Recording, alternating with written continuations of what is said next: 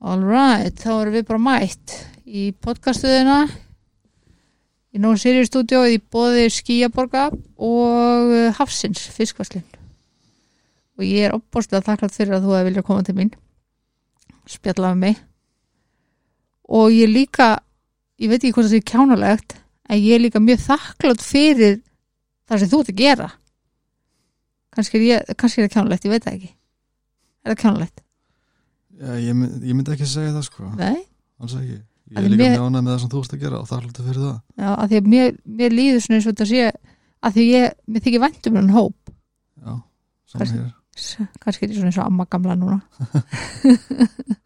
ég er það kannski en hérna þá byrjum við bara eins og, eins og ég byrja nú bara yfirleitt alltaf að, að spyrja hverju hver maður, ertu maður eða strákur Ég myndi segja ég væri orðin maður, ég er Aha. nýjónin þrítur. ok, fólk er svolítið að meða við þrítugt Já, ég, mér finnst ég stundum vera að stelpa sko, ég er 37 sko ég lifi í, í voninni bara lífur í draumi. ég lifi í draumi, það er bara þannig aðalega ungi anda það er svoleiðis en ok, hver, og hver maðurinn Uh, ég heiti Gunnar Ingi Valgersson ok, og já, og þú ert hvaðan og hvernig svona byrjar saga þín, hvernig byrjar lífið þitt sko ég er hérna, ég er úr grái já, og bjóð þar, eh, ég að vísu, fyrstu fjögur ári mín bjóð ég í breiðoltinu ok og hérna en það er samt ekki ástæðan fyrir því að ég var alkoholisti sko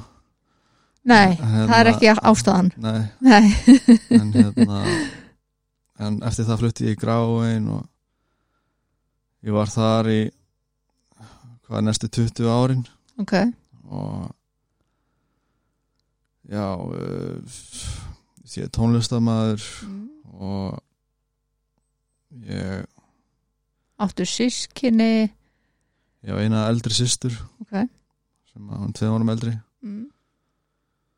og góð vinnir í dag í dag, já, í dag já. já það er svolítið erfitt að ofta að allast upp með ykkur, ég á, ég á tvær sýstur og við erum alveg fína vinkunur í dag en við vorum það ekki sko það var, það getur verið snúið sko það var stöðu keppni sko já, og ég man hérna við- okkur fannst báðum hérna uh, Coco Pups mhm, ógæslega gott Já. morgunkott já en að því að henni fannst það gott sko mhm, þá fannst mér það ekki gott já, já, þannig að ég, þetta, ég fekk mér alltaf eitthvað annað sko mm, það var stara, svona var bara æskan okkar Já. það var bara svo- svona við erum algjörar anstæður sko mm, og en í dag eru góði vinnir og ég já. elska sýstu mína þetta, þetta kalla sískin ást já. það er svoleiðis Mm. en hvernig var svona uh, hvernig er skólagangan og, og svoleiðis ég var nú ekkert eitthvað framúrskarandi nefandi sko Nei. ég, hérna, svona að ég háti ég eins og flestir já, já, og hérna ég svona rétt svo slefaði bara í öllum áfengum sko þú veist, það var svona ég var ná alltaf best í sögu eða eða ensku eða einhverju sem ég hafði áhuga á ok, og sem er bara mjög algengt með ADHD fólk Já, já. og hérna en en hérna þegar ég fór í framhaldsskóla þá þú veist þá hérna fór mér, la- mér langaði að fara í eitthvað eh, svona listatengt sko mhm og einu sem að var í bóði þá var annarkvort listnámsbraut í borgarhaldsskóla eða listnámsbraut í FB Já. og mér langaði alls ekki að fara með restina bekknum mínum í borgarhaldsskóla nei, þannig að ég fór í FB ok kom staðið þar að ég kann ekki að teikna og, og hef eiginlega bara engan áhuga á því að teikna Nei. og og já, þannig að ég hérna, var fljótur að þú veist, ég var alltaf að byrjaði í neyslu þá líka og, og fyndi hvernig að orða það, ég var náttúrulega byrjaður í neyslu, já, náttúrulega sko, Já, þú já. veist, bara Það er eðlilega þú veist, ég byrjaði að reykja síkar eftir 11 ára og ég, já, ég byrjaði að fyrta við áfengi 12 ára ok, og, en það var ekkert fyrir en að ég fór í FB þú veist, og þótt að það sé breiðholti skilur það þýðir ekki að það sé ástæðan Það er fyrir ekki þetta ástæðan. gerst. Nei, það, nei Veist, ef þetta, ef ég var að segja eitthvað stað að fóruð úr böndunum í Mosó sko. já, en ok ekki, ekki, ekki, ekki breiðoltið en það er svona, þú veist, ég veit að að tala um breiðolti sem svona gettó, sko Mm. en þið finnst mjög mikilvægt að það komi fram að það sé ekki breiðoltin að kenna þetta er ekki breiðoltið að kenna Nei. ég, ég tek ábyrða á þessu já, þú, te- nú, ok, í dag ertu fann að taka ábreið á þessu já, já, já, já. ok, það er gott En, en já, það var sem sagt hérna, en þú vilt forða fóreldrum frá því að flytja um bönnu sín í Mosó nei, alls ekki það, hérna það var bara fyrsta framhaldsskóla ballið það var fyrir partí í Mosó já, og það var fyrst skipti sem að ég þú veist dætt almennilega í það mm, og þá sem sagt ég náði einhvern veginn að sannfæra fóldra mína en það það væri nú sennilega sniðuast Mhm. ef að þau myndu kaupa fyrir mig áfengi já, já í staðin fyrir að ég myndi fá það hjá okkur mákunnum mm og þeim fannst það bara góð hugmynd og Já. kefti fyrir mig tvo litla bjóra og, og svona pínlítinn svona lítinn vasapela af vodka ok og ég fór með þetta í, í þetta partí mm -hmm. og ég kláraði það bara eitt fyrir á bingo Mhm. Mm. og ég man að ég hugsaði sko að þetta getur ekki endað hérna þú veist ég, ég, þú veist, ég var orðin svona pínu tipsi Mhm. og ég bara varð að fá meira og þessi tilfinning sem ég fann að bara svona slöknaði á öllu sem ég er búin að vera að reyna að slökku á í svo mörg ár og, Mhm. og ég vildi bara halda áfram og mér til mikill að lukku þá mætir hérna maður í þetta partí Mhm. ókunnugur maður Mm. Já. sem var alltof gamall til að vera í framhaldsskólapartí ok, og mætir hérna með þrjá lítra af landa fyrir alla já, og ég n- bara fljótur að ná mér í glas sem ég fylgti svona, þrjá fjóruða af landa og, Mhm. og svo pínu lítið af jarðabærasvala já og og ég fælu hróll já, ég, ég er ennþá með bragðið í munninu sko já, og hérna þú veist, þegar ég finn lykt af vod- vodka eða, eða, eða landa í dag þá fæ ég bara mér verður bara óglatt sko já, og, en ég kláraði þrjú svona glös Já. uh, síðast sem ég maður eftir og kláraði ég þrjú svona glös geti vel verið að fengið mig meira Mhm. þá satt ég á einhverjum, só, einhverjum sófa í Mosó Mhm. og svo bara vaknaði ég heima hjá mér daginn eftir og ég vissi ekki neitt hvað gerðist Nei. og þá kemst ég að því þegar mamma kemur hérna, bara brjáluðin í herbyggi hjá mér Mhm. að að reka mig á fætur til að fara í skólan Já. og fæ ég að vita það að ég hafi fundist bara nýri miðbæ í ykkur húsasundi Mhm. verið dyravörður sem fann mig ok þar sem ég lá bara í potli af hlandi og ælu Já. og hann hérna honum dettur það í huga bara, hann tekur bara síma mín og vasanum mínum og, og finnur bara tengilegin pappi þetta var, þú veist, þetta var þá dagana sem að það voru takka símar Já, skilur já. þetta það var, engin, það var engin svona kóði til að læsa Einmitt. símanum akkurat, þannig að hann bara opnaði síman og fann tengilegin pappi og ringdi pappi kemur að sækja mig og ég er náttúrulega bara meðundunarlaus hann átti að sjá því að ég er bara með áfengis eitrun sko og hérna fer með mig upp á spítala já og hérna hann fer þar inn og ætlar að ná í hjólastól Mm. fyrir mig, mhm kemur tilbaka og þá er ég horfin úr bílnum Já, og hann fer að leita mig kringu spítalan og finnum mig ekki og þá kemur einhver öryggisvörður á honum og er spyr bara, hérna, ert að leita hérna, ofur ölfuð múling Já.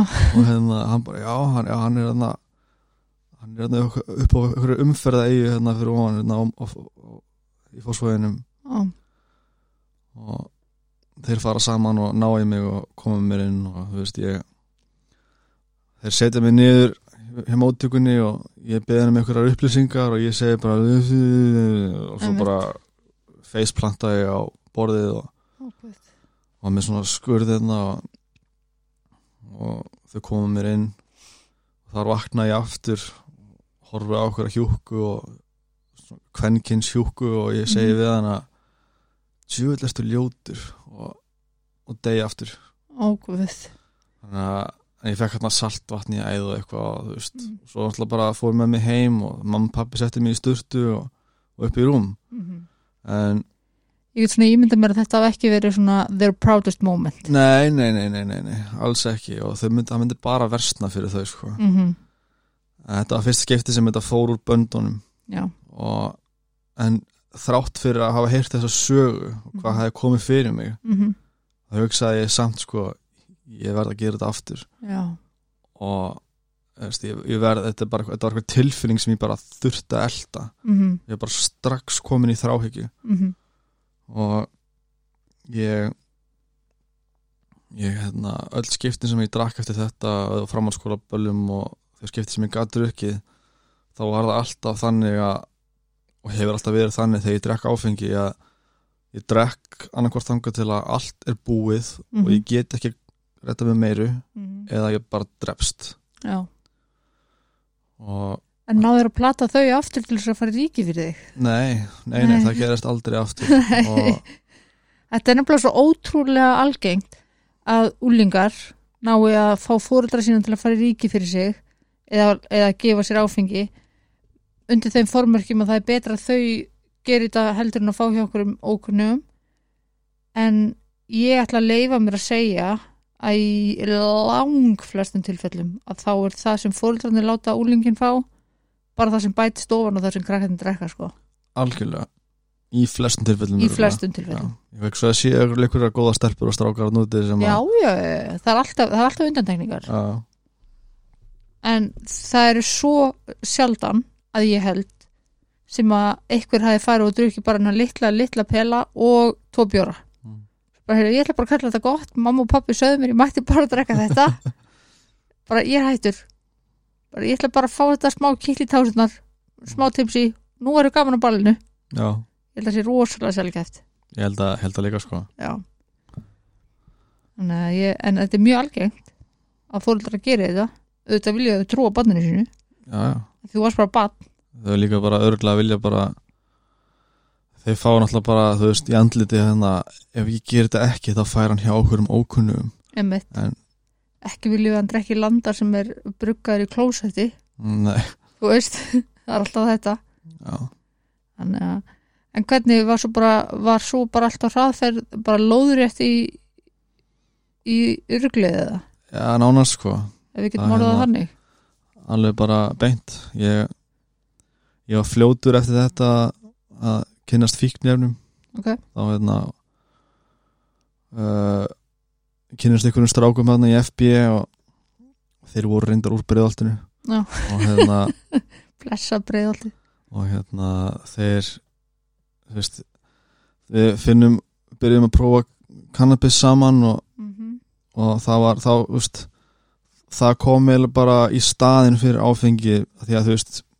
ég áttaði mig fljótt á því að þú veist það gengur ekki að vera bara að drepast og gera mig að fýbli þú veist ég, ég gerði líka svo hættulega hluti þegar ég var að drekka ég hérna eftir eitt hérna, framhalskóla þá ætlum við að fara í svona eftirparti heima hjá vinnum mínum í Mhm. bregaltinu og hérna hann bjó á fjórðu hæð já. og hann var læstur úti Mm. en við sáum að hérna að þetta var svo veist, þetta er hann í unufellinu og það voru svona svalir með svona gluggar sem opnaðist þetta leið sko Já. sá gluggi var opinn og Mm. hann var akkurat úr hliðin á rennunni hérna sem fyrir niður já, svona vassrennu Já. já. ég náttúrulega bara klifraði bara upp þessa rennu og bara bara fjórða hæð. eðlilega eins og fólk gerir Já, og, og bara blind fullur ég man, ég man bara svona brota af þessu Mhm. en ég bjargaði partíinu, ég komst þarna inn og Mhm. hlifti allir minni í partí en þú veist, ég hefði það hefði ekki verið aftur tekið og það er dótti aftur fyrir þannig Nei, ég væri annarkvort ekki hér eða þá bara illa skattaður sko já, og þú veist, það var alls konar, þú veist, ég var alltaf að hverfa og eitthvað svona, þetta var bara hættulegt Mhm. og þegar ég kynntist kannabisi þá var ég bara ok, ég ætla bara að gera þetta já. og það, var svona, það myndi ég eftir öllu Mhm. ég hló meira eða ég held og hérna Mhm. og veist, gerði ekkert af mér já. veist, ég bara satt á sófanum og horfði á teiknumyndir og eitthvað og, Mhm. og já, en þú veist ég fór bara strax í dagneyslu á kannabisi ok, og ég var að vinna á ég var að vinna á KFC á þessum tíma ok og var alltaf þú veist ég var alltaf undir áhrifum í vinnunni og, og það er, það, ég, get, ég, ætla ekki að þú veist, ég ætla ekki að leina því að það er alveg fínt að vera stónir eða grasfjöðs að vinna á skyndibitastað mm -hmm. ég stóð bara hérna við hliðin á hérna popcorn kjúklingunum Já. Mm. og bara borðaði hann allan daginn og skildi enginn í því að það var alltaf verið að steikja meira popcorn chicken en það var enginn að kaupa það ok, og hérna þannig að það, það var fínt og ég var alltaf að með vinum mínum að reykja og svo fórum við á KFC og ég skrifaði bara á mig og mm, gaf öllum KFC að borða og, ég skil og hérna og eitt, eitt mánuðin þá skuldaði ég KFC 2000 krónur eða eitthvað ég Já. skrifaði öll launin á mig og og guð, það var bara þetta var algjört stjórnleysi sko En í þetta seg- öllu basically já, bara í öllu, þú veist, ég peningar fíknefni, þú veist, bara lífið var stjórnlust og ég bara sá það ekki sko, Nei. ég hefðna uh, bara eins mikill afnýttun og gast verið mm, svo kynnist ég amfetamíni og, og hérna vissu fóraldræðin á þessum tímpunkt og væri í neslu það ég, ég var ekkert góður í að fela þetta sko Nei. en hérna það hjálpaði að þau voru ekkert mikið heima og ég var ekki mikið heima heldur já, þau voru bæði að vinna mjög mikið og, og en það samt komst upp samt mjög fljótt og Ok. þá fekk ég hérna þá fór ég fyrst skipta á vóg hérna 17 ára ok, að því að bara hvernig var það? uh, hvernig það var á vógi hvernig var að fara 17 ára á vok? það var umlegt og hérna Ok. okay. ég mæli þú veist, eða ykkur fóldra hlusta á þetta þú Mhm. veist bara það þú veist, ég var bara sendur þú veist, það var bara Já, já. annarkvort ferð á vog eða ferð út Já. og ég fer hérna á vog og þú veist þarna væri bara byrjaði að reyka gras Mhm. og drekka Já. ekki, ekkert bara þú veist, en Já, þú já. veist þetta var ekki komið lengur en það, ég var ekki komin í á neitt bótt, Nei, og þú varst En ekki þá? komin í einhverja hardcore neslu og brjáluð vandamál nei þannig að ég fer hérna inn á vog á bánsadildina mm. það fyrir ungmenni þú veist, þá var þetta að þessum tíma þá var það bara 18 ára og yngri þar minnum við Mm og hérna en þar kynjast ég bara krökkum á eða úlingum á svipuðum aldri sem voru komin í bara miklu miklu harðari neyslu Mhm. en ég Við höfum oft, ég, ég hef oft rætt þetta við fólk sem kemur hingað mm. uh, hvað þeim finnst um að senda svona unga krakka inn á vok og það eru, hafa allir hingað til að vera sammála um það að það sé ekki gott sko En þarna kynntist ég bara þú veist, ég labbaði þarna út bara hm, ég ætla að prófa þetta og þetta og þetta Já, og komið með nýja neyslu vini skilur akkurat komum fullt af tengslum já þannig að það, og það var eftir þetta sem að ég mitt prófaði amfetamin Já, fyrst skipti Ok. og það hefur verið svona amfetamin og cannabis sem var bara svona það er það sem að helst lengst með mér já, Ég var, það var svona ég notaði amfetamin til að ná mér upp mm og svo reykti ég minn niður á kvöldin ef ég fór að sofa það er að segja og Mhm. já. ég fór ég fór hérna að vinna á bar Mm og það skánaði þetta ekki þú veist, ég bara Nei. umkringdi mig af fólki sem var að lifa svipum lífstíl þannig að þetta virðist verið í lægi skilur já. og þá fór þetta ennþá hraðar á böndunum og þú veist ég kom það fóruldriðin á óvart til dæmis að þegar þú komst úr þessari hérna afeitrun sem þú áttu að vera mm, að lífið var það ekki bara gott Þú veist. ég var bara svo ekkert að spá í þessum tíma sko, ég var Nei, nei. bara svo drullið sama já, en ég veit að þau sjá eftir því í dag sko, já, ok já, það var einhver ráðgjafi hjá svo á sem Já, já. að ráðlega þeim að gera þetta já. og ég meina fóruldra að gera það sem þau telja sér best skilur, Já. þau voru ekki að gera það til þess að Nei, gera alls lífið verra ég skilur, veit alveg að þau voru að gera sitt besta sko. að sjálfsögðu þannig að að sjálfsögðu, þannig að þau bara vissi ekki betur og, Nei, nei. Hérna, eðlilega ekki en, en við þau voru líklega bara gangið gegn þetta í fyrsta skipti já, þau voru þú því veist, já, og þannig að bara eðlilega gera þau sitt besta þú veist, þau voru líka pappi minn var að bregðast við þú veist eins og þú veist, það er bara einn annar alkoholist í fjölskyldinu minni mm. það er hérna bróður ömmu minnar ok, og hann tók svolítið svona umblástur frá því hvernig afi hans, langaði minn mm. brást við sinni sínu þá skilur já, ég, ég skil sem var svona hardcore Já, þú veist, refsingar Já. og eitthvað svoleiðis tough love, svolítið svona já, það er bara töff Já. það var voða Já. lítið löf já, þarna, ok, fannst manni sko ok og hérna en ég og pappi minn erum bestu vinnir í dag sko en Já. hérna en þarna og hann er búin að viðurkenna það sjálfur að þú veist að þetta var ekki rétt að leiðin sem átt að fara þú veist Æmi. það var bara já þú veist við lendum reglulega bara í einhverjum svona halgjörum slagsmálum eða þú veist eða þú veist, að ég réðst á hann yfirleitt Mhm. og eitthvað svoleiðis en, Mhm.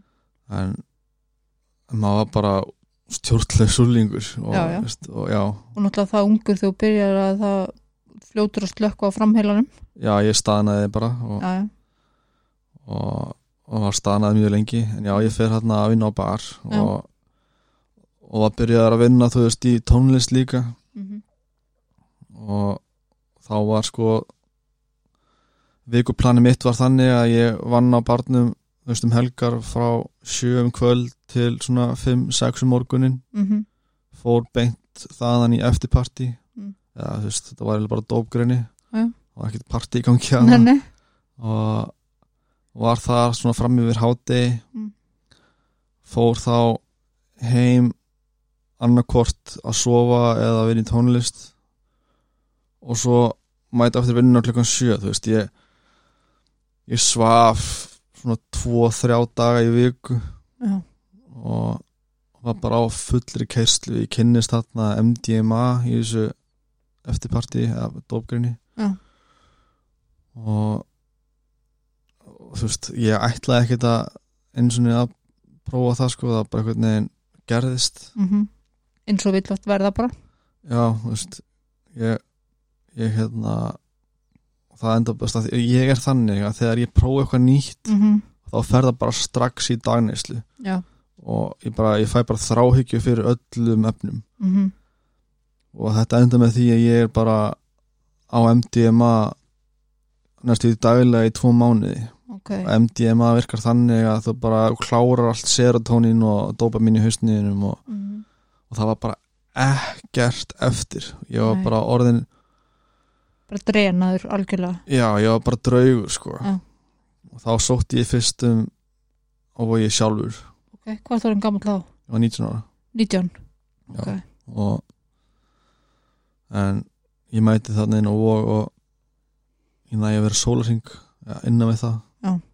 þá bara frákvörf og með leidla og, mhm, og ég fæ bara eitthvað kvíðakast og bara með sjálfsmárshugsanir og, mhm, og ég enda með því að einhvern veginn að ég að brjóta upp gluggan hann á efri hæðinni, Mhm. efri ganginum mhm og fer út um gluggan um nóttina hérna á slopp og mörtur vogi Já. og inniskóm og náttbuksum og, og lappa bara heim til fóldra minna ok, í köldum februar mánuði ok, og hérna ég vek þar með um pappa og þau hleypa mér inn og ég bara gráðbyð bara please má ég má ég hérna koma inn og mhm, og hérna lofa að ég, ég skal breytast og þú veist, ég var alveg búinn að það mhm fyrst skipti, ég var ég bara algjörlega búinn mhm, og, og þarna gerist eitthvað ok,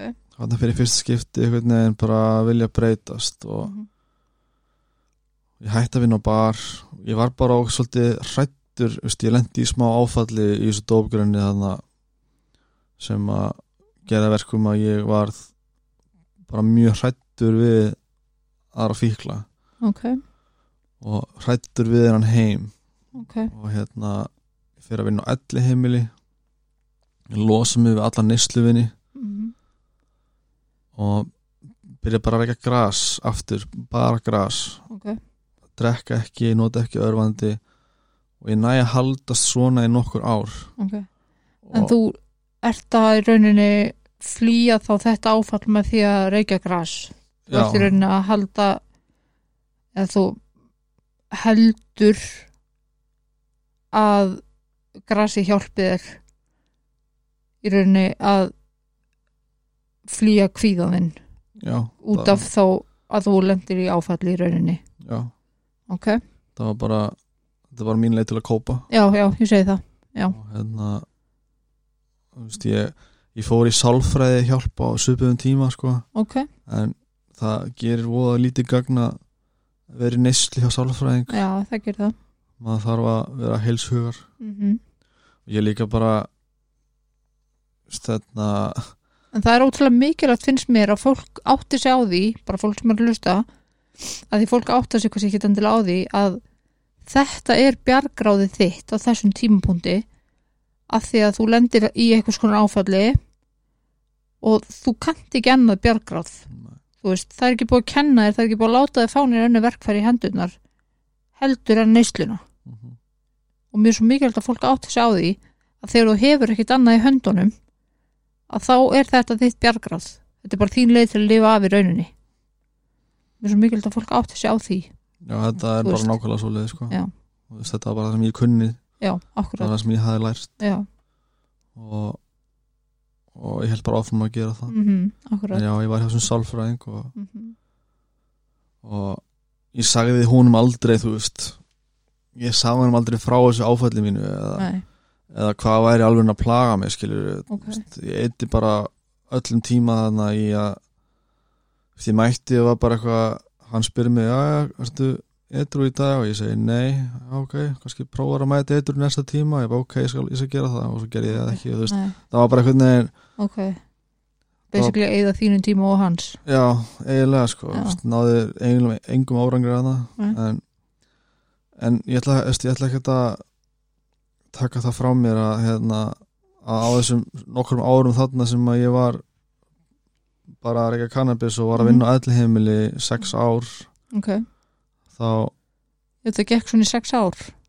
já svona næstu í sex ár ok, þá hérna gerist vel í lífinu mínu Já.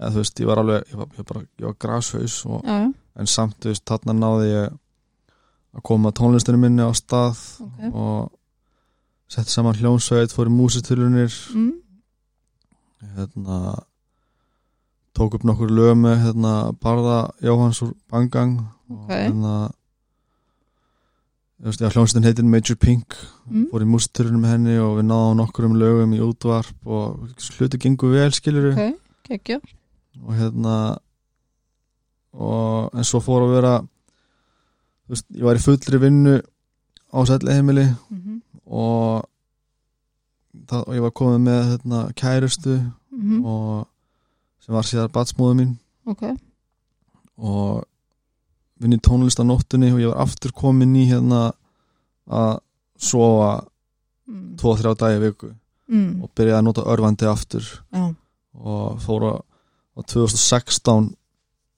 hvað er ég gammal þá, það er ég 23 Mm.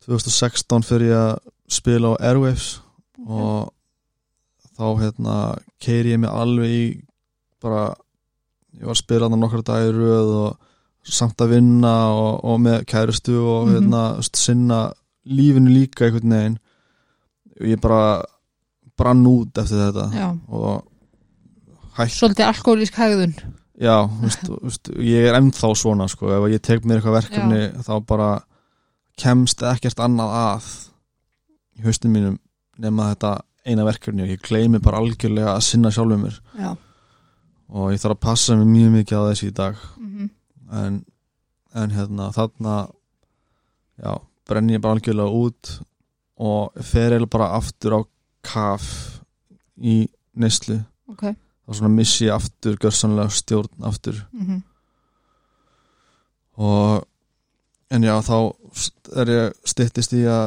þarna 2017 er ég með batn á leiðinni ok og ég er komin í sambúð mhm, og er ennþá vinna öllu heimilinu og, og er bara að ströggla og þú veist, er að missa, missa, missa meira og meira stjórn á lífinu og Mhm. ég kynist kóka eini þá ok þá var svona að síðasta efni sem að komin í líf mitt sem ég mhm, fór strax í dagneislu af mhm.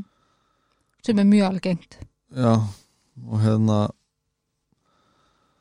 og ég var nefnilega búinn- ég var nefnilega búin að gera díl við sjálfa mig að því að ég var búin að átta mig á þessu að ef ég prófa eitthvað nýtt Mhm. þá er það að fara að enda í dagneyslu Mhm. og ég mun ekki ná að losna við að nema bara þú veist ykkur mm -hmm. Mhm, fara að loka þær inn einhvers staðar Já. og ég hef búin að gera dílu sjálf á mig bara fyrir lungu að ég ætlaði ekki að prófa neitt nýtt ég ætlaði bara að halda mér við, við það sem ég var búin að kynnast Ok. þannig að það er ástæðan fyrir því að ég prófaði aldrei eins og oxinislu eða, Mhm. eða sprauta mig eða, Ok. en einhvern veginn náði að kóka einn að sleppa hátna milli og, Mhm.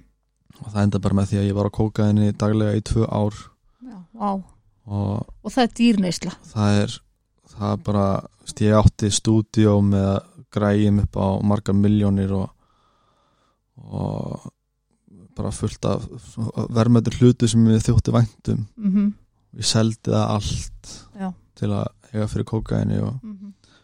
og ég stal og, og ég maksaði út smálán og nýtt Mm. gíró og allt þetta og bara, bara já, prinsipin hurfi bara já, rændi dópsala og þú veist, ég var bara, ég var orðin þessi gaur já. sem ég ætlaði aldrei að verða Mm það átti aldrei að fara svona ég ætlaði bara að halda upp á það sem þetta er svo sorglegt sko Mm. að ég ætlaði þegar ég komst að því ég væri að vera pabbi þá ætlaði ég að halda upp á það með kókaini mhm. já, það var bara þessi fluga sem fór í hausin á mér Mm. mér fannst það bara frábær hugmynd þessi er líka rosalega þversögn mm sem er, sem er samt svo lýsandi fyrir alkoholistan -hmm.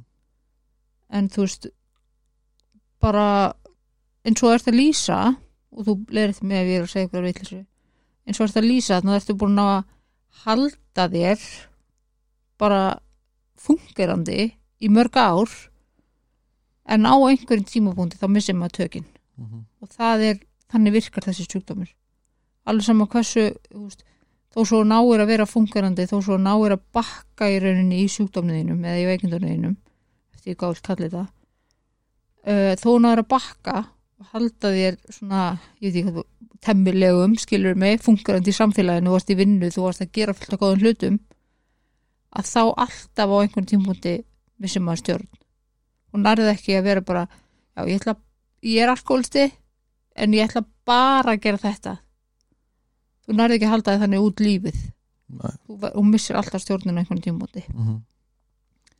og þarna heldur upp á þetta mikið gleði efni skilur með kókaini mhm. og missir strax stjórnina já Já, ég var bara, eftir nokkra mánu var ég orðin óvinnufær mm.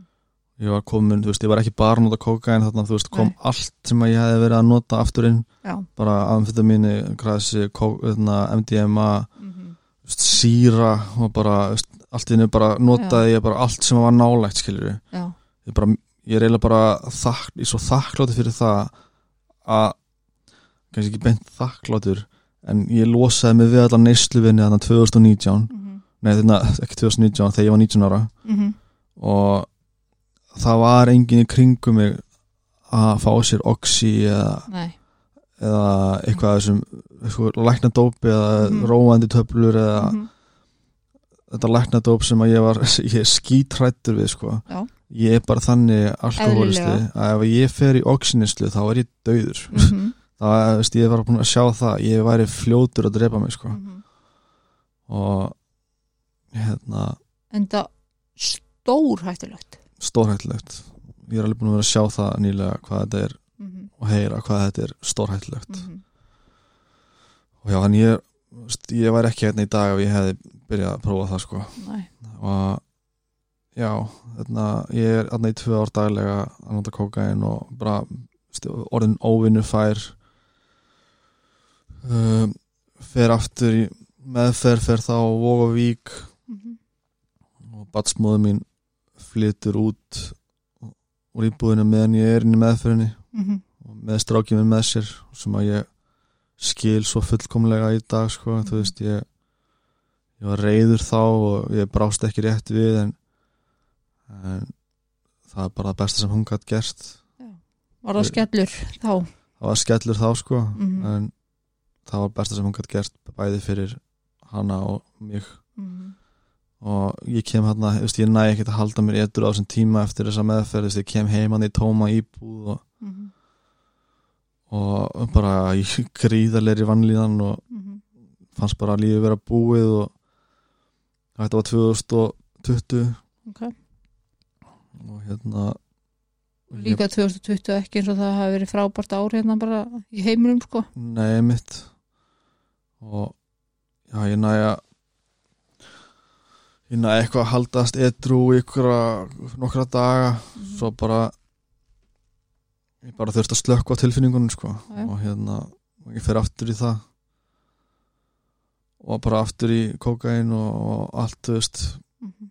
ég skil í hvernig ég náða að haldast ekki dagnislega þessum tíma Nei. en þarna en þarna vildi ég samt hætta þarna var fyrst skipti sem ég fann fyrir því að bara viljin var ég vildi hætta, mér langaði að eiga gott líf mér langaði að vera til staðar fyrir són minn, fyrir Mhm. batsmóðum mína fyrir fjölskyldu mína, Mhm. mér langaði bara að vera góðu samfélagsþegn Já, en ég bara gata ekki nei, fíkn og bara sterkari Já, þú veist það bara líkamið minn bara öskraði á og hausin minn öskraði á bara þú verður að slökka á þessu mm og, og þarna næ ég samt einhvern veginn að stíða á mjög góða fjölskyldu Mhm, og það verður ekkert að segja neitt annað Nei.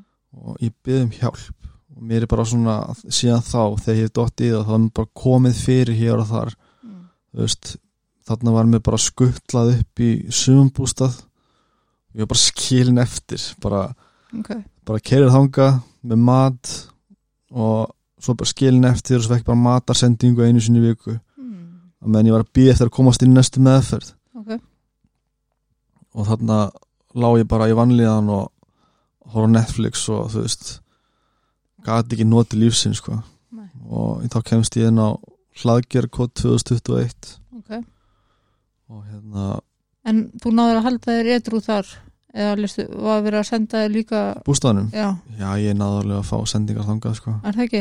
Já, já, annars hefði ég örgulega að labba til Reykjavíkur sko. já þannig að og, já, ég næði að komast inn á hlaðgerakot í apríl minnum við 2021 mm og er það er þrjá mánuði Ok, og þar ákvað ég bara, ég, þú veist, ég ætla að reyna að gera þetta allt saman og ég ætla að þú veist, reyna að ná árangri og ég virkilega reyndi og, og hérna en þú veist, ég var það er sagt í samtökunum sko, tólspóra samtökunum að, að þú þú veist, það er með eitthvað leyndamál, mátt ekki einhvern leyndamál, mm mm. verður að segja einhverjum frá mm -hmm. öllum leyndamálunum þínum einhverjum sem þú treystir og eitthvað svoleiðis Mhm, en ég var með eitt leyndamál sem að ég ætlaði bara að taka í gröfina sko mhm. og ég saði ekki frá því og hérna og ég var í einhverjum óheðarleika á nefni og þú veist ég var bara svona að reyna ég vildi bara að ráðgjöð myndi segja við mig þú ert besti alkohólisti sem ég hef kynst og þú, ég hef engar áhyggjur á þér mhm. Þú vinnur þessu kefni já, þú ert bara útskrifast þetta með fyrstu engun og, mm -hmm. en þú veist, þetta virkar ekki þannig Nei, nei, Þannig að út á við leiti ég rosalega vel út en inn á við var ég bara með óheðarleika og þú veist, ég var með aðra hugmyndir mm -hmm. ég var alltaf að hugsa um að fá mér og ég saði einhver frá því Mm. og þegar ég útskrifast þarna þá fer ég að áfanga heimili heimili brú Já. og ég þú veist og þá er ég ennþá í þessari pælingu skilur að líta vel út á við, ég ætla bara að vera geggjaður Mhm, tólspóra maður Mm -hmm. mætti á fjóra fundi á dag og fó bara sorpu og kefti mig hjól og sagði öllum að ég hafði hjólað á fundin og, Já, og þú veist eitthvað svona, já, já eitthvað svona rugl sko, einmitt. ég ætlaði bara að vera flottasti tólspóra gæin Já, þú ætlar að vera að kongurinn Já, og hérna en þú veist en samt ennþá í óheðarleika og Já, ég fó bara og sagði bara eitthvað bull og myndi ekkert það sem ég var að segja og og svo bara rotna innan ég var bara rotnað innan og ég sagði einhver frá því mm -hmm. og þú veist, ég, svo datt ég í það og var það komin í einhvern svona fyrirleik aftur Mhm. ég náði að haldast þannig á áfungaheimilinu alveg þó nokkuð marga mánuði viðbót í Ok. laumin yslu Ok.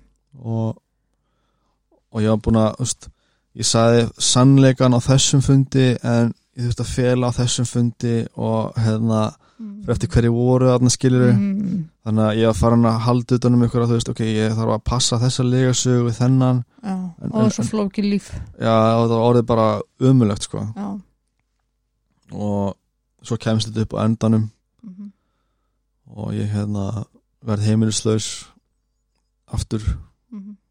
og og þá var mér komið fyrir í Hrísey já, já, að hugsa um hænunar ég pappa ok og hérna en þar samt þa ég var á bíl þar Já. og þá kerði ég bara til Reykjavíkur og náði mér í nokkuð stykki og, og tilbaka og, Mm.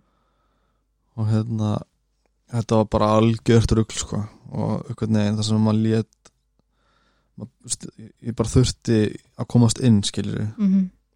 og ég sótti þá um að Krísuvík og ég kynntist ykkur stelpu hérna á Íslandi sem var frá Íslandi Mm.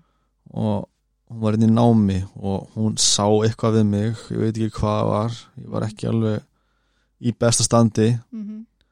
hún klára námi hérna og flyttur Íslands aftur ok og ég var heimilislaus og ég hefði bara, þú veist, það var ekki bara að koma með þér já, og endaði að búa í Íslandi í nokkra mánuði mm. og ég trúði því innilega að, að ég væri ekki alkohólisti í já, Íslandi að ég gæti byrjað upp á nýtt þar já, myndi skilja sjúkdóman eftir heima já, Já. eins og margir gera mjög margir, og hérna og ég, það gengur, gengur rosalega vel í svona sex vikur ok og ég næði að vera edru og bara líka glað í nýju landi og einhverjum litlum smábæ byggur einhverjum 17 manns í þessum bæ eða eitthvað ok, engin, eða, mjög fáir kunnu ennsku hana Mm. og það var einn aðfundur á viku ok með köllum sem að hérna, töluðu ekki ennsku mm. ég talaði ekki eistnensku Nei. en þetta var mjög fallegt svæði sko, og mér leiði alveg vel hana í þessar sex vikur Mm. og svo ég veit, ég veit ekki alveg hvað var sem gerðist en ég bara einn daginn fór ég út í búð og, og þú veist, maður lappaði alltaf framhjá þú veist, til að komast að kassanum þá þurfti að lappa gegnum áfengisteldina Já. og hérna ég var búin að lappa þarna framhjá ótalsinnum og horfði ekki einu sinni til hliðar sko, það böggaði mig ekki neitt Nei. svo bara einn daginn þá bara þetta er rosa ódýrt hérna Já. rosalega gott verð á á þessum vodka hérna Mm. og ég bara kaupi mér Mhm. kaupi mér bjór líka og strax var ég komin bara, og þarna er fyrst skipti komin í dagneyslu á áfengi ég hafði aldrei verið í dagneyslu á því áður Ok. og það er ekki góð dagneysla Nei. það er bara mjög hættulegt já, það er bara hættulegast að vímöfni já, og þetta var svo ódýrt þarna Já. og þú veist, ég hérna þú varst í raunin að græða ég er bara eiginlega skilur þú veist og þarna ég byrja á því alltaf að kaupa mér bara þú veist eina kippu á dag mm og svo var ég farin að kaupa mér eina flösku af viski á dag og og, þú veist konan þar bara hendi mér náttúrulega bara út -hmm. hún, þetta er ekki það sem að hún ætlaði að bjóða með sér til Íslands nei, nei og skil það fullkonlega ég var bara blind fullur alltaf daga mm og leiðið ömuleg og var leiðilegur og, og en þú veist þetta er mjög ódýrt land og ég þarna bara byrja ég að flakka á milli hótela þarna í nokkra vikur -hmm. að drekka einar flösku af viski á dag mhm. og bara ógeðslegur sko Já. skildi alltaf eftir hótelherbyggin í rústi þegar ég fór yfir á nesta Já. og hérna en ég var ennþá þú veist, ég var búin að sækja mig á Krísuvík og ég var búin að vera að býða eftir því í nokkra mánuði og ég var ennþá að ringja og ok og ég næ, þú veist, pappi er að pappi er með svona annan fótinn í Nóri mm og ég fæ að koma til hans inn til Noregs ok og er þar í þ- tvo eða þrjá mánuði áður en ég kemst inn á Krísvík mm -hmm. og þar er áfengi aðeins dýrara já, örlítið, örlítið dýra örlítið dýrara þar gæti ég ekki verið í dagneyslu af áfengi og þá skiptist þetta millið þess að vera na, tveir dagar í viku kannski sem að ég náða að drekka eitthvað mm -hmm. og þá bara bjór, ég átti ekki efni á viski þarna Mm -hmm. og, og hérna dagana lá ég bara í volæði upp í sófa og, og grét og Mm vorkendi sjálfum mér, -hmm. bara eins og maður gerir einmitt og síðan, já, kemst ég inn á Krísuvík 1. februar þessu mánu nei, á þessu ári já, og hérna við maður bara, ég mætti þarna fyrsta daginn ég satt á rúminu í herbyggi og nýbúið að sína mér húsið og eitthvað mhm, og það, var, það voru húsverki í gangi fólk var að þrýfa gangin frammi og ég heyrði bara ríksum og fólk að hlaupum einhvern veginn og allt í gangi mhm. og ég fekk bara að risa hnút í magan bara hvað er ég að gera hérna mm. Mhm. hvað af hverju er ég ekki að ná þessu Já. hvað er það sem að hvað er það hvað, hvað þarf ég að gera og af hverju er, þú veist, ég hef búin að sjá svo marga vera að ná árangri þarna sem að ég var í kringum Mhm. og alltaf náði ég ekki því og ég hugsaði bara með mér að þetta mun aldrei breytast Þú veist, þetta mun, ekki- þetta mun alltaf vera svona Mm. Þú veist, lífið mitt verður bara svona það er bara þess að, þú veist, mér langaði ekki beint að deyja Nei, en mér langaði ekki að lifa nei, þó sem mér hafi oft langaði að deyja sko. þú veist, fyrir einu og halvu ári þegar ég var hann í Rísei þá þá tók ég ég sati töluna mína og ég, var, þú veist, ég átti ennþá ykkur nokkra svona stúdíogræður og, mhm, og ég tók upp þar í Rísei bara svona kveðju bara loka orð ok til mér að nánustu Mm. það var bara svona mín tegund af svona brefi Já, Svona hvað ég breyði Já og ég, ég veist sem ég var bara kveði allar mína nánustu og, og spilaði lag fyrir svonmynd til að heyra og sem ég samdi um hann og eitthvað Mér stóð Og- mjög hugra ykkur að segja frá því Já, takk fyrir og hérna ég á þetta ennþá í tölvunni sko, ég er alltaf á leiðin að henda þessu en ég hef ekki eins og hlusta á þetta sjálfur síðan Nei. en ég vildi bara hafa þetta Mm, af því að ég vissi ekki hva, hvena myndi koma að því að ég myndi gefast upp Já, ég skil ég af því að það ég hafði bara eitt til að lifa fyrir á þessum tíma og það var svonum minn Mhm, allt annað var í, bara í ruslinu sko. Já.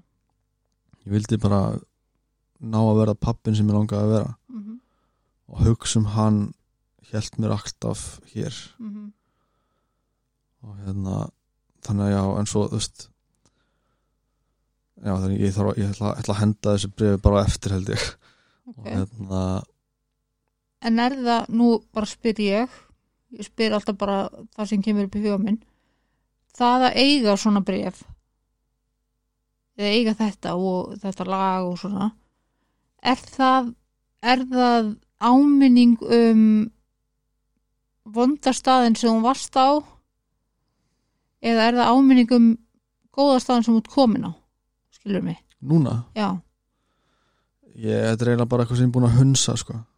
já Þú veist, ég er bara búin að blokka þetta einhvern veginn mm Þú veist, það var bara, það er ekkert svo langt síðan að þetta bara svona poppaði aftur upp bara hei, já, ég gerði þetta já, ok og þetta er ennþá í tölunum minni Já.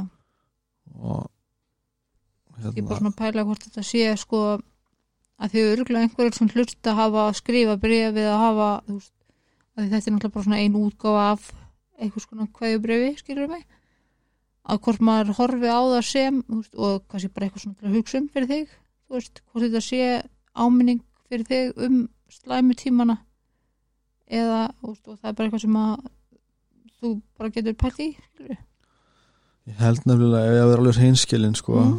þá held ég að þetta sé meira það að ég sé ekki ennþá búin að henda því út Mhm, en alltaf, ég, ég er eiginlega búin að ákveða að ætla að gera það eftir að Já.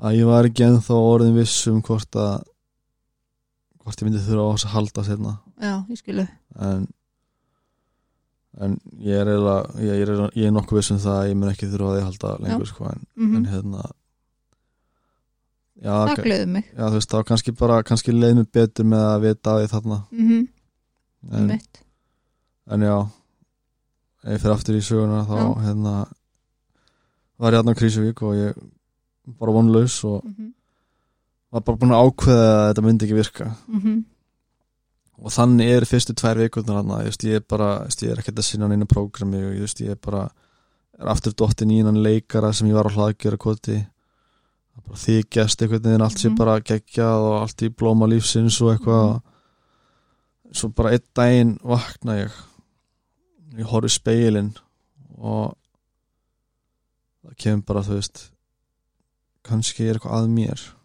Já.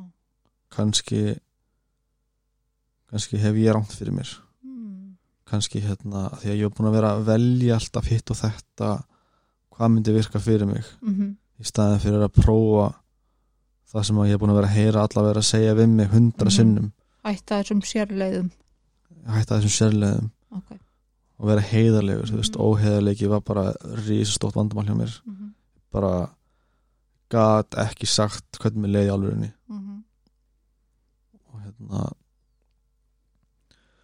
og þá bara ákvæði að að gefa þessu sens Ok. að fyrst skipti bara prófa að gera allt sem að mér er ráðlagt að gera Mhm.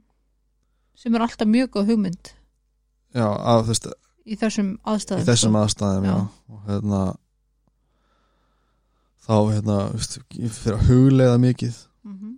og tek svona öndunaræfingar gerði það á hverjum einsta degi Ok. uh, nokkur sinnum á dagstundum Mm. bara eftir þörfum Mhm. og ég fann sérstaklega fyrir því því ég var að gera þessu öndunaræfingar Þú veist, ég er mikið aðt í hátíð Mm. og hérna þú veist, því ég var búin að vera að gera þessu öndunaræfingar daglega nokkur sinnum á dag í nokkra vikur þá bara hvarf einhvern veginn aðt í hátíð og ég hérna allt í einu bara heyrði ég allt sem að vera að segja við mig og ég gætt haldið aðtekli á öllum fyrirlesturum og ég var bara svo rólegur Mm. og ég gerði þetta á hverjum einsta degi restina meðfyrinni, alveg í fimm mánuði eða eitthvað Ok. og svo því ég útskrifast sko, þá hérna þá bara tekur lífið við allt í nú gæti ég ekki verið að taka öndunaræfingar fjóru sinum á dag Mhm. og núna, get ég, núna ger ég það svona tvisvar í viku cirka Ok. og en- eins og mér langar að gera það oftar en bara ég gera það ekki en Æmi. ég þarf að gera það Jæja. og þá bara fann ég hægt og rólega hvað ADHD bara fór aftur að Mhm. búbla upp einhvern veginn og Mhm. þannig að já, ég mæli mikið með ef ykkur er að hlusta á þetta og þú veist hefur ekki prófað svona Wim Hof öndun Já. þá bara mæli ég sterklega með því og gefa þessu alveg nokkra vikur daglega áður en og ákveður að þetta virki ekki sko. Já, að því maður þarf alveg þólum að já, ég hef reynd já þetta er alveg þetta er alveg þessi virði sko. mm -hmm. og ég er búin að heyra það sama frá nokkrum öðrum sem að gera þetta með mér Mhm. og já, ég, þú veist, ég fór bara að vera svona ég fór að vera hérna svona smá frumkvöðull í meðferðinni, þú veist, ég Ok.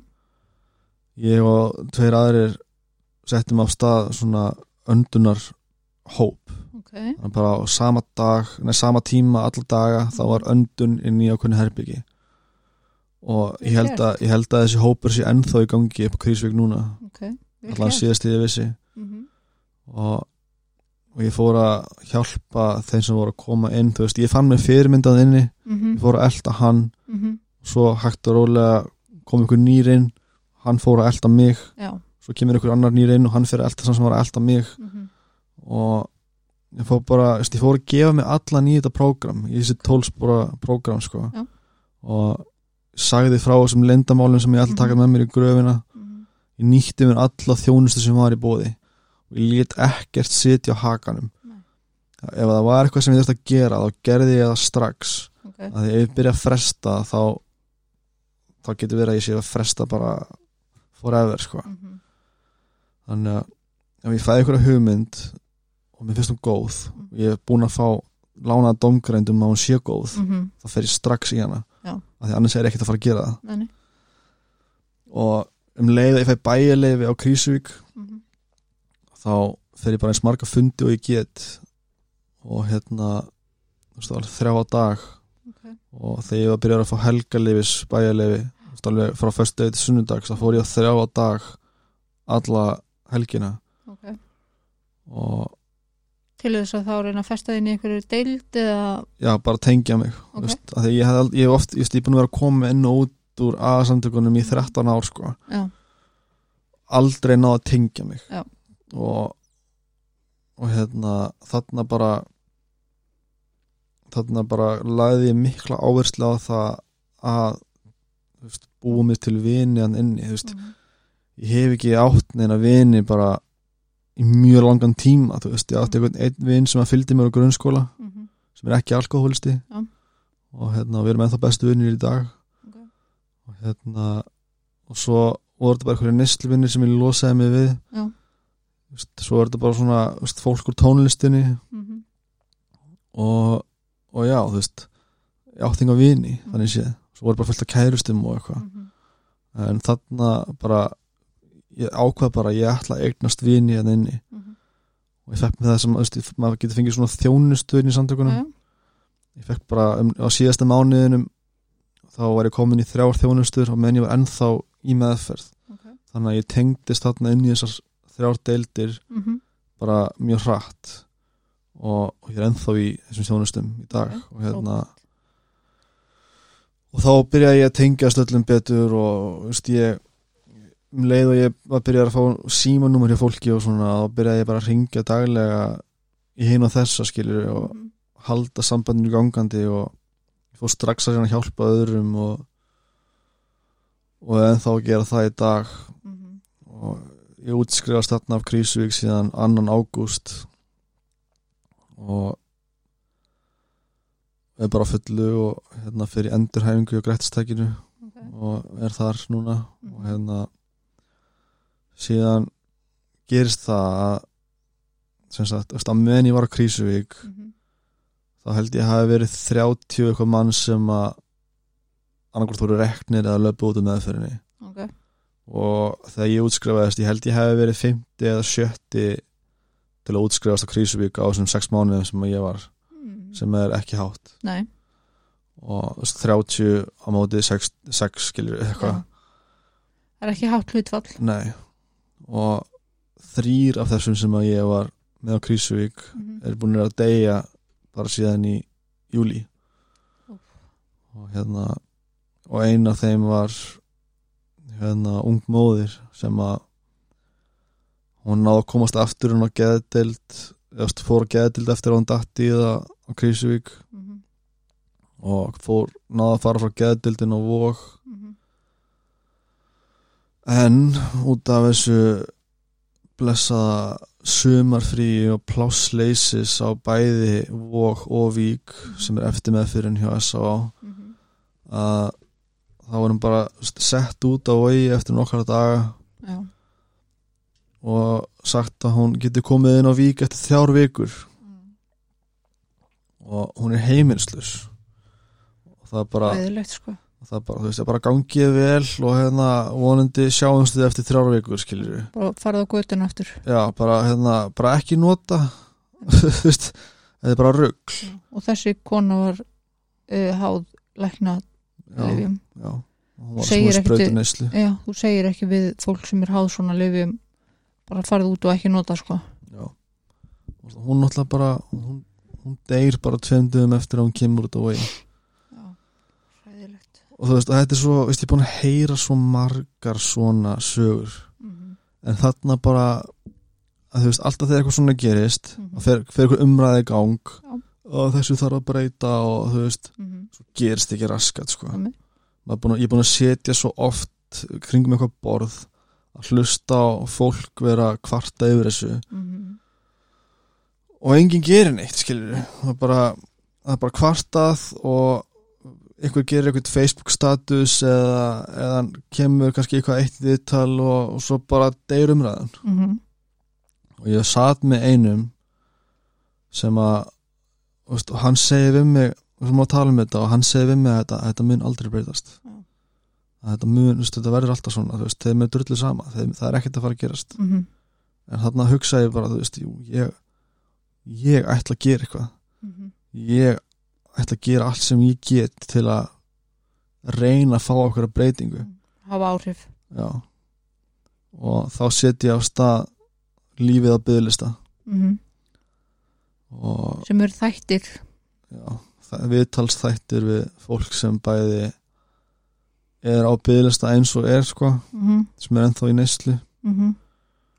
og fólk sem hefur reynslu á því að vera að býða í sex mánuði pluss, þú veist, ég er búin að heyra alveg að eitt sem er í þáttanum hjá mér sem að beigði í eitt ár Vá, eftir að komast í meðferð og þetta er bara ekki lægi sko. þetta er það ekki og, og þú veist og að því að þessi innan gæsalappa málaflokkur mm -hmm. Af því það er svo mikil skömm Já. í þessu Þú við erum ekkert mörg sem að erum að koma fram ofinberlega og segjum bara hei, þetta er ekki lægi Mhm, og við kennum að við séum alkohólistar mhm. það er ekkert margir sem að gera Nei, því miður, það og, og þeir vita það held ég alveg þú veist, að og, sjálfsögðu og þannig að þess vegna er þetta bara fyrsti staðurinn til að vera skorið niður af því að það vantar fjármagn einhvers staðar. Mhm. og og núna, líka kannski er það þannig að peningarnir sem eru þó í þessu málaflöki þeim er kannski heldur bara ekki rétt varið að, ég er alls sammála þar sko þú veist, og það er kannski líka mm það er alls konar, það eru margar hlýðar á þessum teningi sko já, já. En ég er algjörlega sammála um það að S.A.A. geti notað þessa peninga betur. öðruvísi, Já, betur að því að fyrir einhverjum árum sko, það náði vogur að keira á fullu húsi með færri starfsmenn en þeir eru með í dag ekkert vandamál. Nei. Núna eru þeir að keira á hvað, það er pláss fyrir 63 ég held að það sé að keira á mest, mestalagi 40 mm. og þú veist, ég var að skoða tölur um daginn þú veist, fyrir og eftir COVID Mm fyrir COVID þá voru þeir að taka um svona 100 einstaklinga fleiri á ári -hmm. og, en þeir eru að taka núna Já. þetta hefur ekkert náð sér á strik eftir COVID aftur Nei. og, ótrúlega sorglegt og þú veist, og hérna ég gerði sjálfur tölur núna í síðustu viku mm -hmm. fyrir aðeins mjög viku síðan þá ætlaði ég sjálfur að prófa að ringja á vog og panta innlögn Mm Hvað kom myndi- hvað- sjá hvað þeir að sagt við mig það ringdi og ringdi og ringdi og ringdi og ég er búin að vera að byði í sjö mínútur og enginn svaraði og Nei. ég endaði með því að þetta kemur svona ef við alltaf ringi tilbaka, skildi Mhm. eftir nafn og símanúmer og ég geri það það er ennþá enginn búin að ringi mig Nei. og hérna ég ringdi í gær til að hérna ég vildi fá að vita hversu margir var að bylsta hjá þeim og, Mm -hmm. og hérna og hversu mörg plástu var að keira á núna Mm -hmm. og ég kynni mig með nafni og lífið að bylsta og, og þú- hún vissi alveg hver ég var og hún segir hérna, já ég ætla að, hérna, láta manneski sem veit svarið ringi í þig eftir nokkra mínútur og ég segi bara ok, takk hella og ringdi ekki nými aftur Nei. og hérna, þetta er bara já þú veist ég þarna, eftir, eftir að hún dó þarna þessi blessa kona Mhm.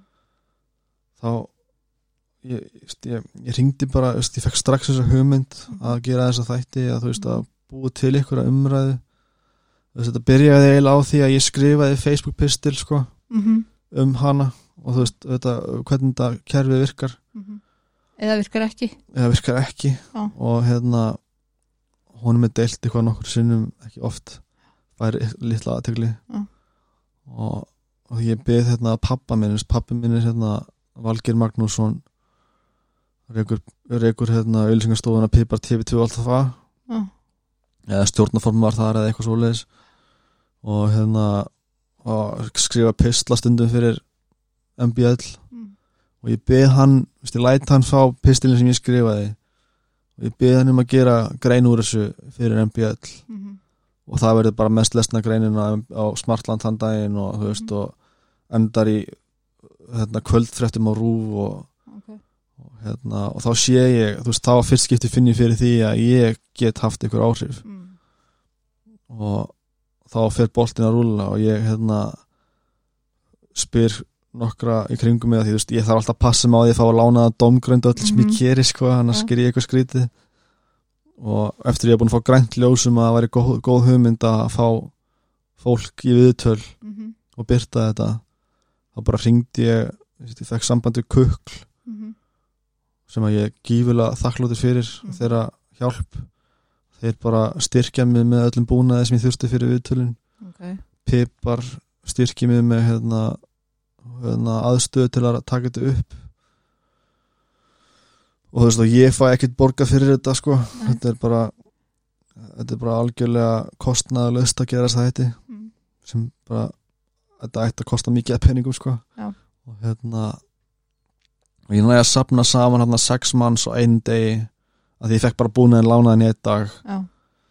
og ég næði að smala saman hérna bara nokkrum að sex manns á einu degi og hérna byrja að taka upp byrja að taka upp þess að þætti Ok. og hérna Vel gert. og þú veist og ég hefði aldrei, ég kunni ekkert að mynda velar og að því ég þurfti að passa nafnleind sko þá má, þú veist, það mátti bara vera ég á sveðinu þú veist, það var bara ég og mannskan sem ég er að tala við mm og Er það því að fólki vildi ekki koma fram undir nafni eða, það, þú veist, það voru nokkuð sem báðu um það að fá að koma fram undir nafni ok, en ég saði nei ok að því að hérna þú veist ég vil ekki að þessi þættir geta skada þau í framtíðinni að, þú veist, að þessi, þetta verður alltaf til á netinu Mm. þú veist, þetta eru sum, sum þeir eru ung Ok. og þú veist, og þeir eru búin að vera að segja viðkvæmari upplýsingar þarna eins og all, alla stelpurnar seldu sig Ok, og hérna, þú veist, og tala um að hafa að rænt hinn á þessu og Mhm. bara hlutir sem að þið hafa gert sem að þi- þú vilt ekki hafa aðgengilegt kannski eftir 20 ár ok og þú ert komin bara í blóma lífsins og nýtt líf og, Mhm. og eitthvað getur fundið þetta um þig Mhm. þannig að mér fannst það bara st, Þú ákvæmst að bara gera þættir sem eru nafnlausir já. Já, ok. en ég áttaði mig ekki alveg á því sko að þegar ég byrjaði að ég væri sjálfur að koma fram þú veist alltaf vissi allir að ég væri alkoholisti líka mm -hmm. og eða þeir sem, eða flestir sem að voru að horfa á þetta eða þú veist og spurðist að frettist fljótt að að ég var einn að heimskilju Mhm. og þú veist ég fæ ekki lengur þann luxus að vera nafnlaus Nei, nei, eins og, eins og fólki sem ég er að taka viðtölu við sko nei, nei. þannig að þannig að þú veist ég til að halda þessu gangandi þá þarf ég að mæta í þessi viðtöl og, og ég þarf að segja mína sögu og fólk tengi við það Mm -hmm. en ég, ég fattaði ekki alveg hvað ég var að fara út í þegar ég byrjaði sko nei. og hérna, Hefður ekki gert þetta ef þú hefðir náða eða ef þú hefðir vitað ég veit það ekki þú veist ég er alveg þakklúti fyrir það og þú veist ég, hérna, ég, er, ég skammast mín ekkert þú veist ég þú veist, ég, ég finn alveg fyrir því að ég er að gera góða hluti og, Mhm. og fólk, er, að- fólk segir mér það daglega að, að, þú veist, að það sé mjög ánætt með þetta og, mm og hérna þú veist, ég fór í viðtali á fjæðarsákjara mínum í daginn, þú veist, ég er svo stutt komin sko, þú veist, ég Já. er ennþá bara þú veist, í endurhæfingu og Já, já, að sinna mínum bata og hérna ég mætti til félagsrákjaða minn sem daginn hún segir við mig hérna fyrst sem hún segir við mig bara já þú er bara alltaf í fjölmiðlum og maður opnum alla fjölmiðli fjölmiðlum um að sjá þig í dag eitthvað mm. þá var þetta var þetta nýbyrja Já.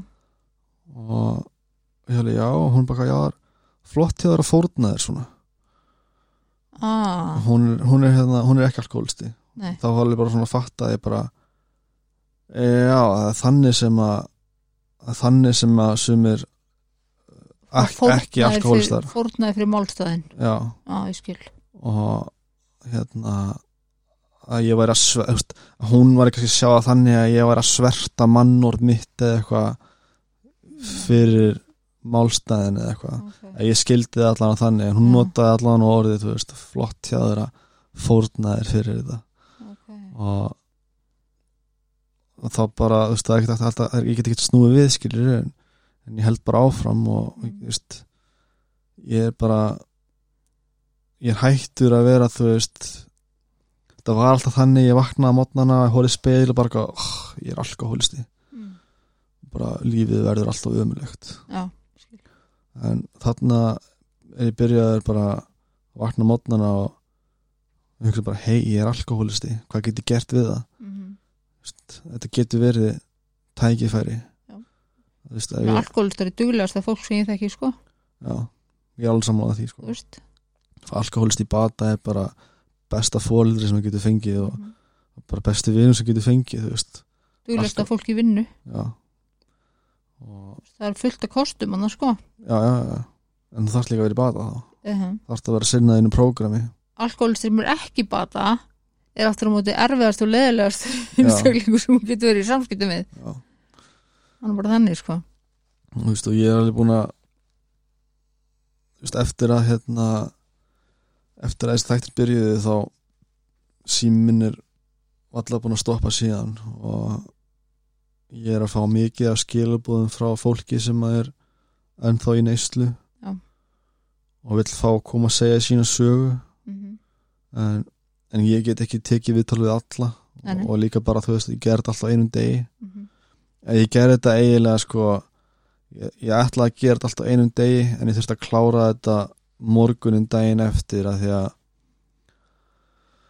ég sagði hérna í byrjun að það voru bara tveir alkoholistar í fjölskyldinu minni og ég og, og bróður ömmu minnar Mhm. og hann deyr sama dag og ég hérna er að taka viðtölun Æ, ég samlíkist að takk fyrir En hann var búin að vera edru í 37 ár mm.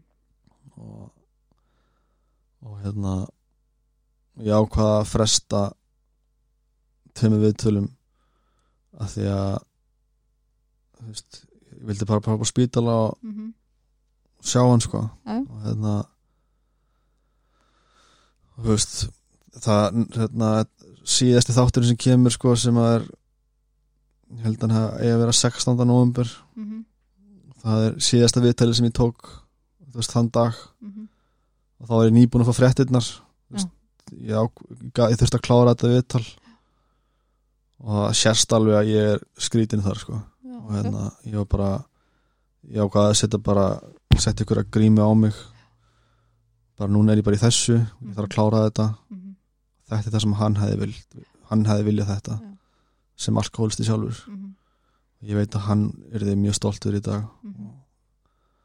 við áttum mjög mörg góð samtölu um þetta Ok. en já hérna, Þú eru bara að benda fólkinu sem vil segja sögunu sína og hafa sambandið mig um ég að koma að segja sögunu sína hér já, algjörlega ég get gert það ég setti líka af stað hérna eftir að ég fekk svona mörg skilabóð þá setti ég ég bjóð til Facebook-grúpu Já. sem heitir Lífið að byðlista Mhm. bandstrykkar einslisögur þannig ef ykkur er að hlusta á þetta sem að vill segja sína sögu nafnlaust þá getur hann farið þar inn og skrifa þar mm Mhm, -hmm. það ég mun fara yfir það og, og hérna og byrta það ef að, þú veist, bara passa að það sé ekki persónlegar upplýsingar sem getur tengt við ykkur Mm -hmm. af því að ég veit að margir vilja ekki koma fram undir nafni mhm, og hérna þetta er bara en þú veist, þetta er bara, þetta, er- ég er bara búin að sjá svo mikið síðustu vikur eftir að ég byrjaði á þessu hvað þetta kerfi er ónýtt Þetta er það og sérstaklega síðustu tvo daga sko okay. ég, hérna ringir í mig einn vinnu minn sem að ég var með á Krísuvík ok, sem að hérna hann datt í það þar og og fer út og, og eitthvað bara fyrir, tóm, fyrir bara í kafirugl mm -hmm. hann ringir í mig fyrir að dag og bara hann var grátandi og var á gistiskýlinu og hérna seg, var að segja mér að einhver ungu strákur hefði dáið í fanginu á honum og, og guðmur hvað og hérna ég heyrði bara hvað hann var búinn sko. hann, bara, hann gata ekki meir Nei. hann var, hann var nefnilega hann hann var nýbúin að labba út á vogi hann var- hann var búin að býða í marga mánu eftir að komast inn á vog mm En hann, hann er bara þarna hann mætir á vog bara í geðrofi -hmm. í frákvörum, í kvíðakasti og bara Mhm. gat ekki kópað Mm -hmm. og hleypur út Já. og þú veist, engin reynir að stoppa hann eða hjálpa honum það er það sem að mér finnst líka svo vond mm -hmm. að vita af því að þegar fólk fer eða ætlar að fara að þá er einhvern veginn enginn sem að reynir að stoppa þig það er bara já, þú ert hér að þinna ábyrð Mhm. Já. harðu það bara skilur hvað við, Já, ég skil Það var einmitt svona með hann sko það vantar mannlega þáttinn einhvern veginn Já, þetta er, þú- þú ert rosa mikið bara kennintala blaði stundum sko. mm. Hann allan hleypur hann út og og ringir sko aftur á ISO Mm og segir bara, fyrst bara ég gerði mistök og ég bara ég ge- var, var í geðrófi og kvíðakasti og ég bara Mhm. ég verð að komast aftur inn, bara please hleyp mér aftur inn Mm -hmm. bara þetta var náttúrulega samdægur sem hann lappa út sko.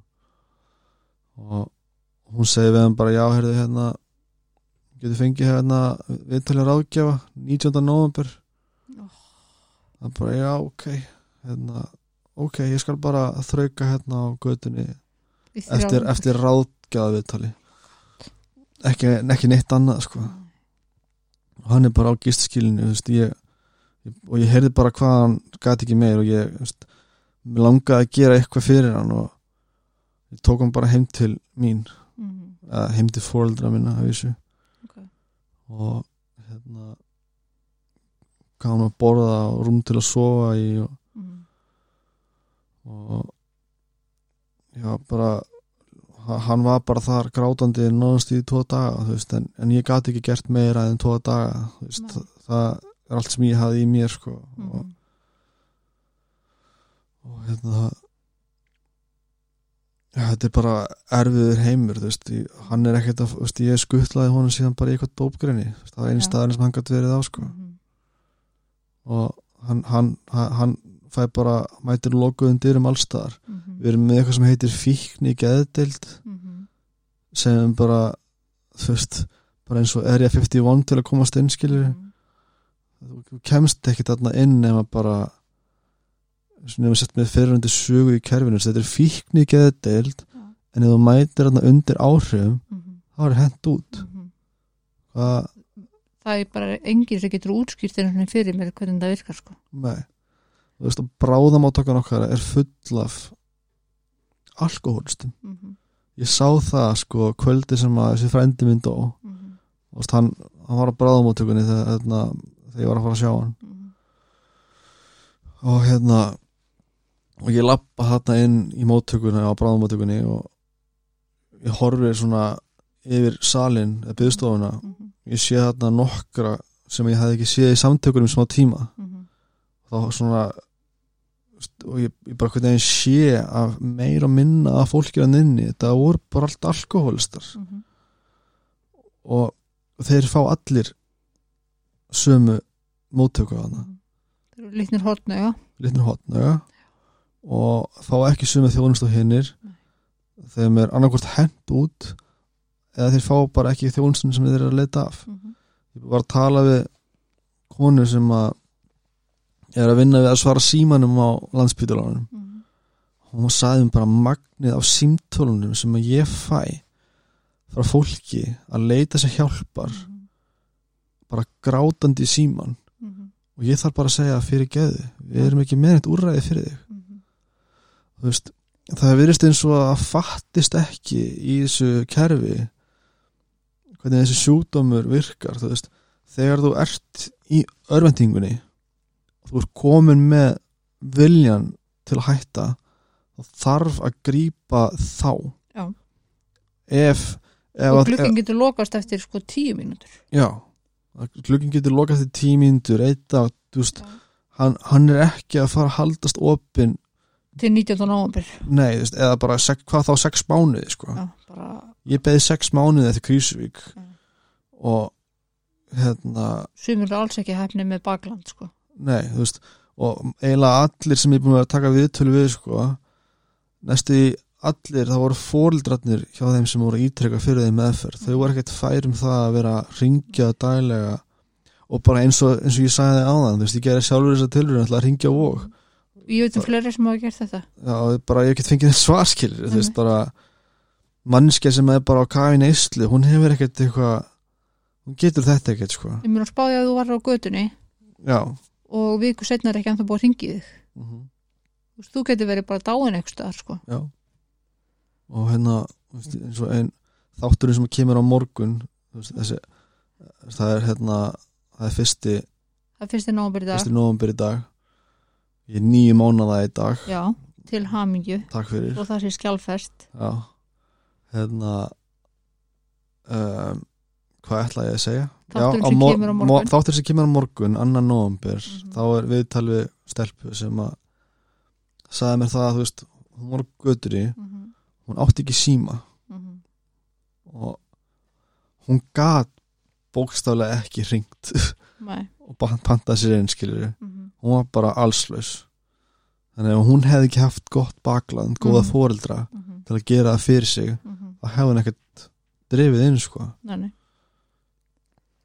og þetta er sagan sjá sem mörgum sko, þú veist, ég var að tala við hennan vinn minn sem ég var í hjálpa núna síðust tvo daga Mhm, hann sagði mér bara að hver einasti maður sem er hann inn á gistskilin er að byggðlista mhm, og þú veist ég, hérna, ég er búin að tala núna við Krísuvík og Hlagerakot ég reyndi að ringja á vói gær aftur til að fá hjá þeim upplýsingar um hversu margi var að byðlista Mhm. hversu mörg plástu kerði á og hún sagði við mig að hún ætlaði að láta eitthvað annan ringi í mig sem vissu svarið Mhm. það ringdi aldrei tilbaka Nei. þannig ég veit ekki að nákvæm, nákvæma tölu þar Þannig, það er eitthvað staðið milli 700 og 1000 Mhm. sem eru að byðlista hjá SA það eru hund- það eru 94 að byðlista hjá hlaðgerðarkoti ok og í kringum 100 hjá Krísuvík Mhm. þannig að við erum að tala um allt frá svona í kringum 1000 til 1200 einstaklingar sem eru á byðlista á Íslandi Mhm. sem er galið sem er galið og það er ekkert verið að gera til að bæta þetta ég ætla reyndar alveg að setja smá spurningumerki við sk- hérna bygglistan hjá þessu ásko að því að hann mér líður kannski er ég að bylla mm. skilur, mér líður eins og hann sé svolítið eftir hendileika Já, þessi bara bæ, búa til ykkur tölu eða? Þú veist, ég hef aldrei séð neitt bygglista og hann er bara svona í þessum mánu er hann svona, næsta mánu er hann svona ég þekki fólk sem kemst bara inn daginn eftir þú veist, svo er fólk sem þarf að býða sex mánuði svo er sumt fólk sem að kemst inn bara já, ok, þú kemst inn bara eftir helgi svo er sumt fólk sem kemst bara alls ekki inn, skilur sem sem fara á sérstakann byðlista Já. sem er ár það er þeir sem hafa kannski verið að nota inn í meðferð eða já, sofa og sko, hjá ég inn í veit meðferð, náttúrulega eitthvað að það eru svoleiðis. þeir sem eru í sérstakri hættu þú veist, og þeir sem eru í svona hálgerði líknandi meðferða þannig þeir komast náttúrulega inn Þú veist, og ég ger máli grein fyrir því en að það séu 700 manns á byðlista mm, og þú ert ekki einn svona keira á fullum spítala sko, Mhm. finnst mér skrítið Já, Mér finnst líka svolítið skrítið að fyrir nú bara nokkrum árum þá voru færri starfsmenn og mm. færri læknar en samt náðu þeir að keira fullu húsi Mhm. sem eru 63 pláss mm -hmm. núna eru konir held ég held að þessu sex læknar að vinna að það núna eða eitthvað og fleiri starfsmenn mikil velta á starfsmennum Mm -hmm. margir ráðgjafar það eru fleiri ráðgjafar að vinna hjá SOA heldur en eru sjúklingar nú í já ég held að síðustu tölur sem ég sá af magninu á bæði ráðgjöfum og ráðgjöfa nefnum ég held að það hefði verið 42 minnum við 42 en það það var 40 eitthvað allavega en ég held að vogur sé bara að keira á 40 einstaklingum Sitt. þannig að þú veist þá eru líka ráðgjafar sem eru á von þú veist, göngudeldinni hjá SOA Já, já, svo eru það vogur og vík já, já. en þetta er samt svolítið hátt þú veist já, já.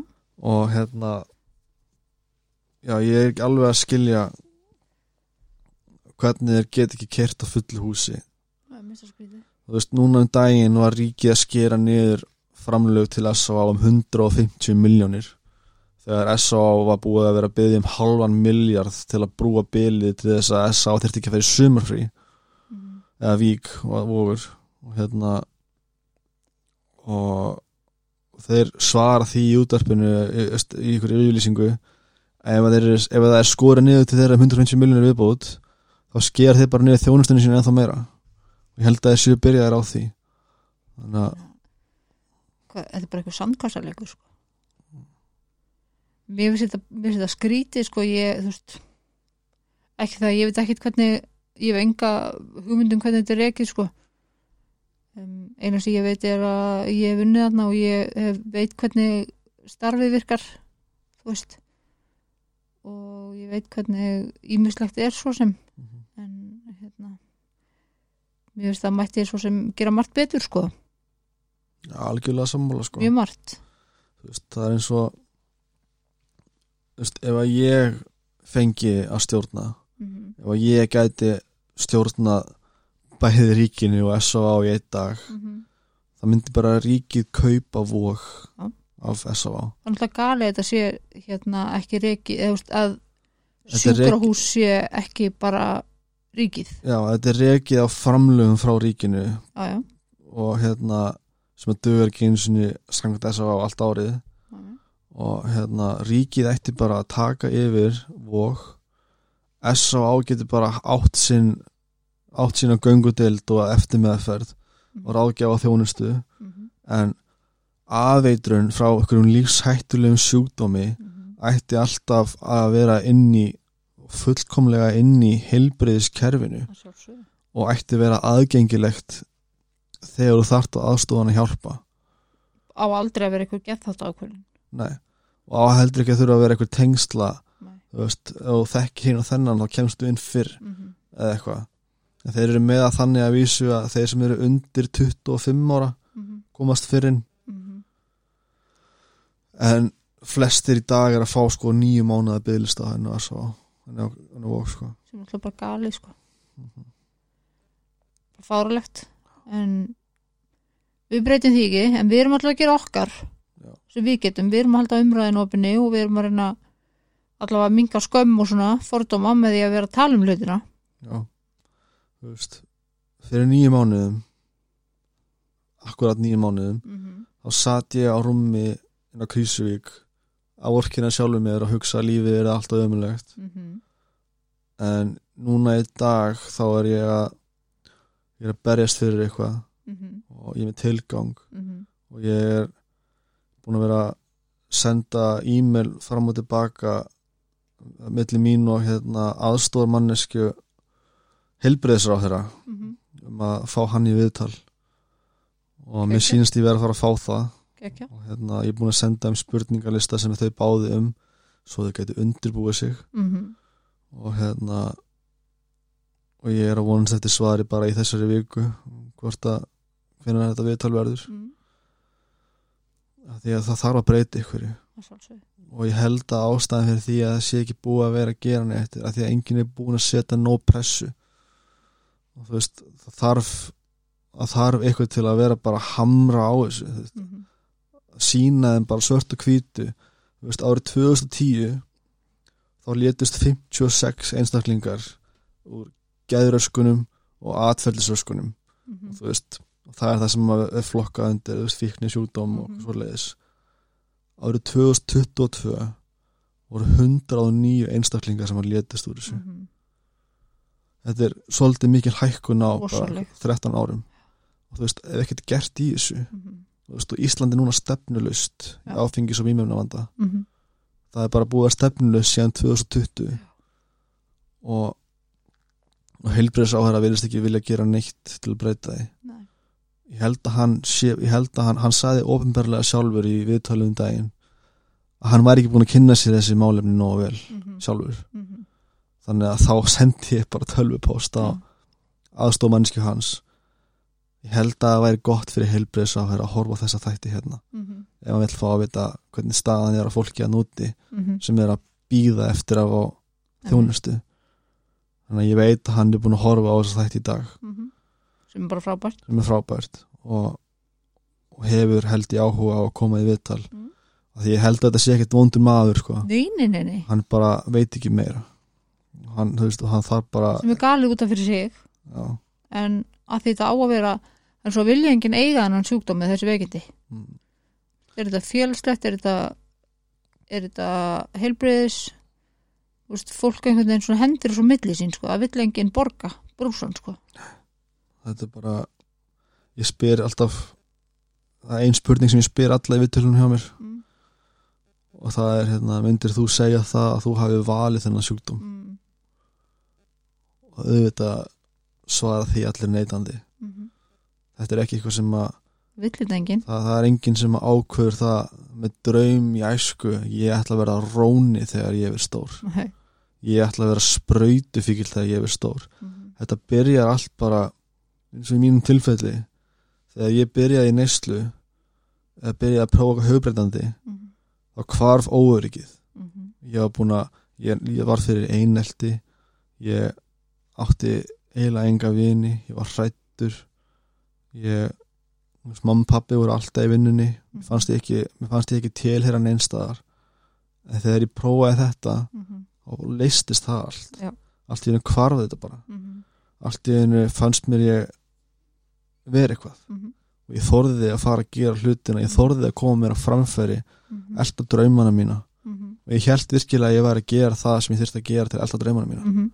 með því að vera í neyslu, þú veist, með því að nota örvandi og vera skapandi og þú veist, Mhm. ég held bara að ég væri að gera það sem ég þyrfti að gera til að vinna að mínum draumum en, algjörlega s- og eins og með svo marga aðra þá bara allt í einu einn daginn þá ertu bara óvinnu fær og þú ert bara búin að brenna allar brýr og, þú veist ekkert hvað gerðist allt í einu bara lífið sem þú þekktir einu sinni er horfið Mhm, og þú vilt hjálp en hún er ekki bóði mhm.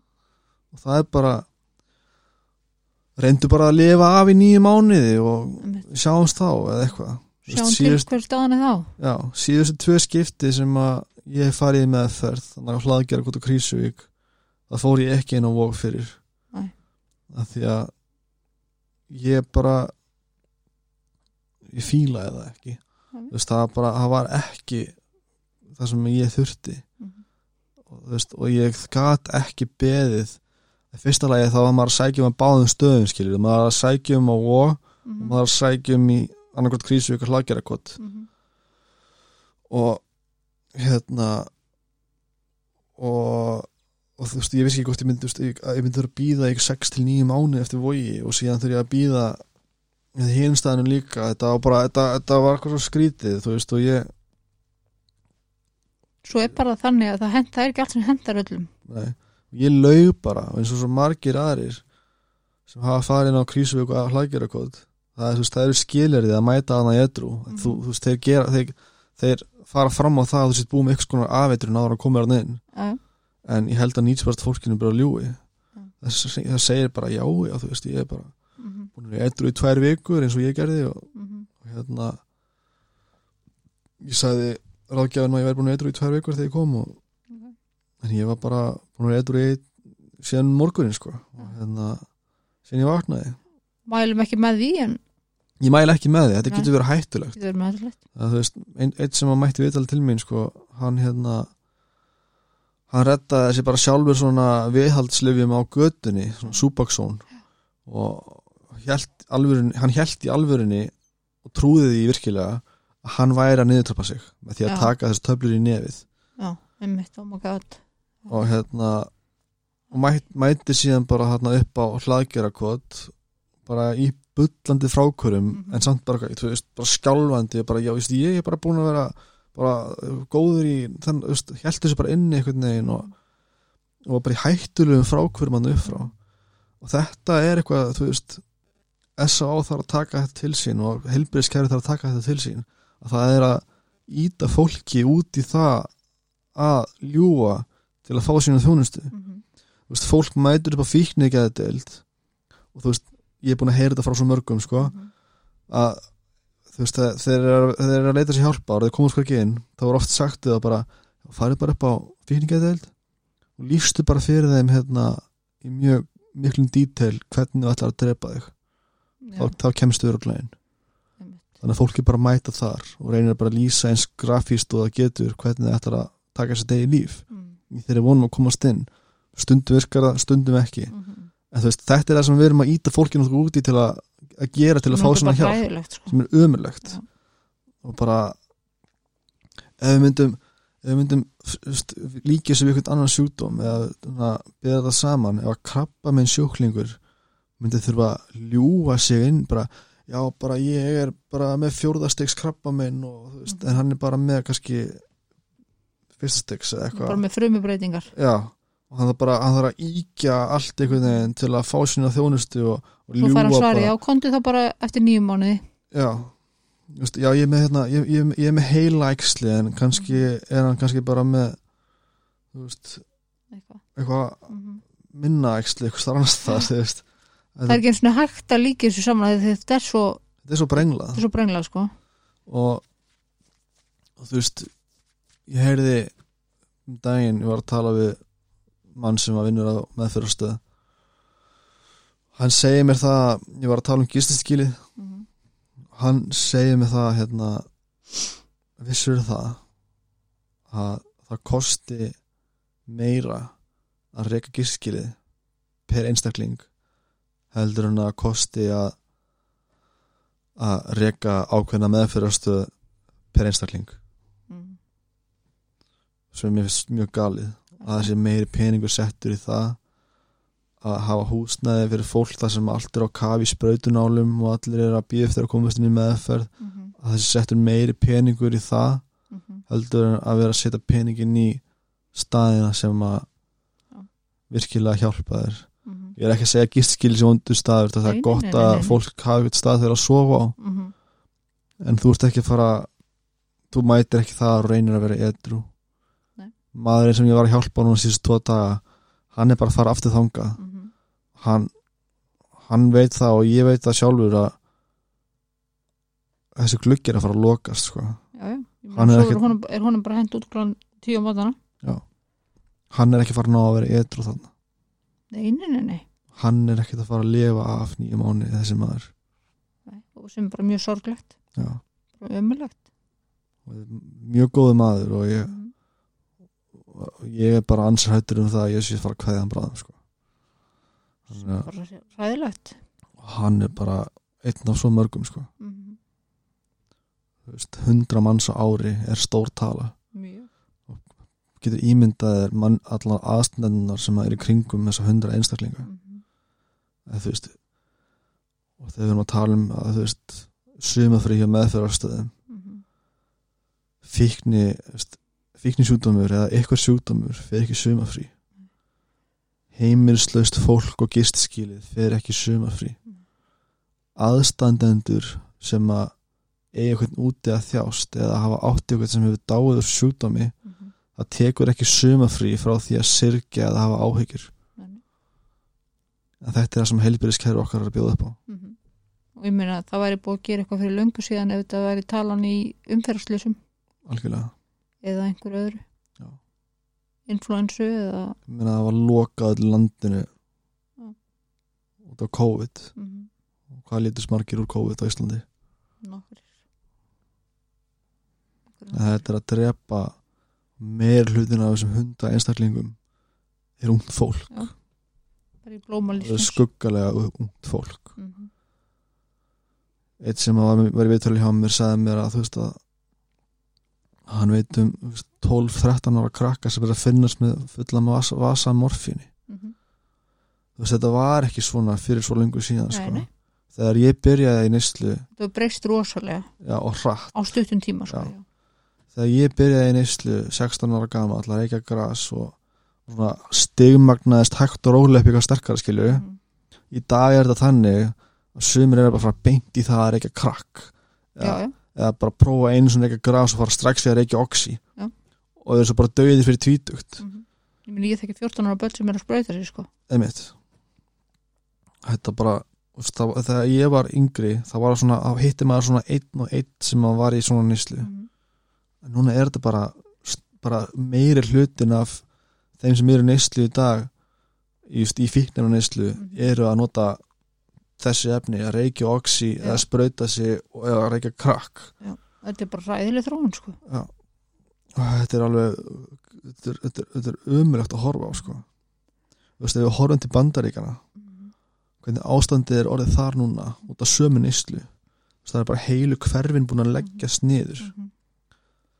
viljum við að það gerist hér og það er eins og sko þeir sem stjórna og þeir sem hafa peningavöldin og allt þetta það er eins og þeir lifi ekki sama heim á við þeir sjáu þetta ekki nei ég veit ekki hvort þeir upplifið þessi svona langt frá okkur eða ég, ég átta mig ekki á því Veist, ég, ég hugsaði um þetta, ég var að hlusta heilbriðsráðara Viljum Þór Já. vera að segja viðtalið um daginn að hann væri að gera sitt besta eða hvernig orðan þetta, hann sagði eitthvað að hann væri að gera allt sem hann gæti til að læra þú veist, hann væri bara að læra sjálfur mm -hmm, um þetta mm -hmm, ég hugsaði með mér hvað er hann að gera til að læra mm hefur heilbriðsráðara heimsótt gistiskilið Mhm. hefur hann talað við fólki sem er þarna á gistiskilinu Mhm. eða er að þjásta, býja eftir að komast í meðferð hefur hann heimsótt ykkur að meðferðastöð Mhm. hefur hann verið í, bara í výlínunni Mhm. og sé hvernig það er ég veit það ekki en mér er það ólíklegt ég ætla reyndar að taka ofunum fyrir honum að viðkenna það já, Þú veist, það er ekki margir sem myndu gera það nei, en ég ætla ekki að taka ofan fyrir honum fyrir það að vit ekki meira Mm. skilur, þetta, þetta er okkar stild stærsti heilbriðsandi í dag að 100% en það, algjörlega en það er bara svo mikið þetta er svo hulið eitthvað Já, bara, fólk bara sé, þú veist, fólk þegar þú sé fólk kýs að sjá þetta ekki já, þú veist, þú það er mín keirir skoðun ef þú keirir niður í miðbæ þú flestir ákveða að horfa ekki á hann einstakling sem að Mhm, er eitthvað öðruvísi að lappa upp göttuna mhm. þú veit allir hvað einstaklingur þetta er sko. Já, veist. já, já, já. þú sérð alveg þetta er maður sem að þarf hjálp Já. en sumir horfa á að dæma sko. því miður, en það veit ekki söguna akkurat og það er, það, það er akkurat ástæðan fyrir að ég er að gera það sem ég gerir sko mm og s- mjög margir skilja það ekki út af því að ég er ekki alkoholisti sjálf Mhm. en mér finnst svo mikið að það fólk átti sig á því að það velur sér þetta enginn og það þarf að fara að breyta í hvernig við hugsum að við þurfum að hætta að spyrja hvað er að þér og fara að frekar að spyrja hvað kom fyrir þig -hmm. þú veist, við erum að spurja fólk, þú veist af hverju endar einhver á þessum stað af því að það er svo stór saga á bakvið, sko Mhm. ég fæli kökki hálsinn, sko út af því að ég veit að það er engi sem vaknar bara á föstaskmotni, skilur við það whatever, þú veist, ég er alveg fæl, fæl bara svona vond í, í hjarta mitt út af því að ég þekk svo margum, kynna svo mörgum sem að enginn hefur borið virðingu fyrir þeim út af því að þetta var eina bjargráð sem þau fundu þau kannski bara mannrækt í æsku, ógeðslegt ofbeldi þú veist, misnótkun Neym, nefndu það, skilur allt, nöðganir whatever allt, bara, bara allt sem þetta er í hug og út af því að þau fundu leið til að lifa af sem að fólst í því að nota hugbreytandi efni að þá er eins og þau eigi ekki skilja af á virðingu Mhm. það gerir mig brjálað algjörlega mér líka Þú veist, ég verð ekki, það er ekki mjög oft sem ég verð reið sko. En þegar ég verð reið, þá verð ég líka mjög reið sko. Að út af því að einhver manneskja og það gleymist nefnilega oft að þetta eru manneskjur sko, Mhm. finna frið í huganum og hjartanu undan áföllunum sínum að þau fari í neyslu Mhm. og Oh ég held ég hef aldrei fara, fengi bara tári augunni þegar ég er að tala um, að þá hefur ekki skilið að vera ennþá mannleg og þess vegna finnst mér mjög mikilvægt það sem ég er að gera og það sem þú ert að gera afsakið mig það var bara minnsta mál sko. ég er sjálfur hérna við það fokk ekki hálsinn sko. þannig að mér finnst mjög mikilvægt og ég tekur óna fyrir þér að vera að gera það sem þú ert að gera sem og leiðis ég er ótrúlega þakklátt fyrir að þú vilja koma hinga til mín að segja þína sögu Þannig að ég held að á hann yfir að hágrænja þá held ég að það sé bara ágæðis loka orðið okkur, er það ekki ég held að bara taka æðisleikuna, bara koma til mín takk fyrir að fá mig og bara takk fyrir þig, sem leiðis takk fyrir að hlusta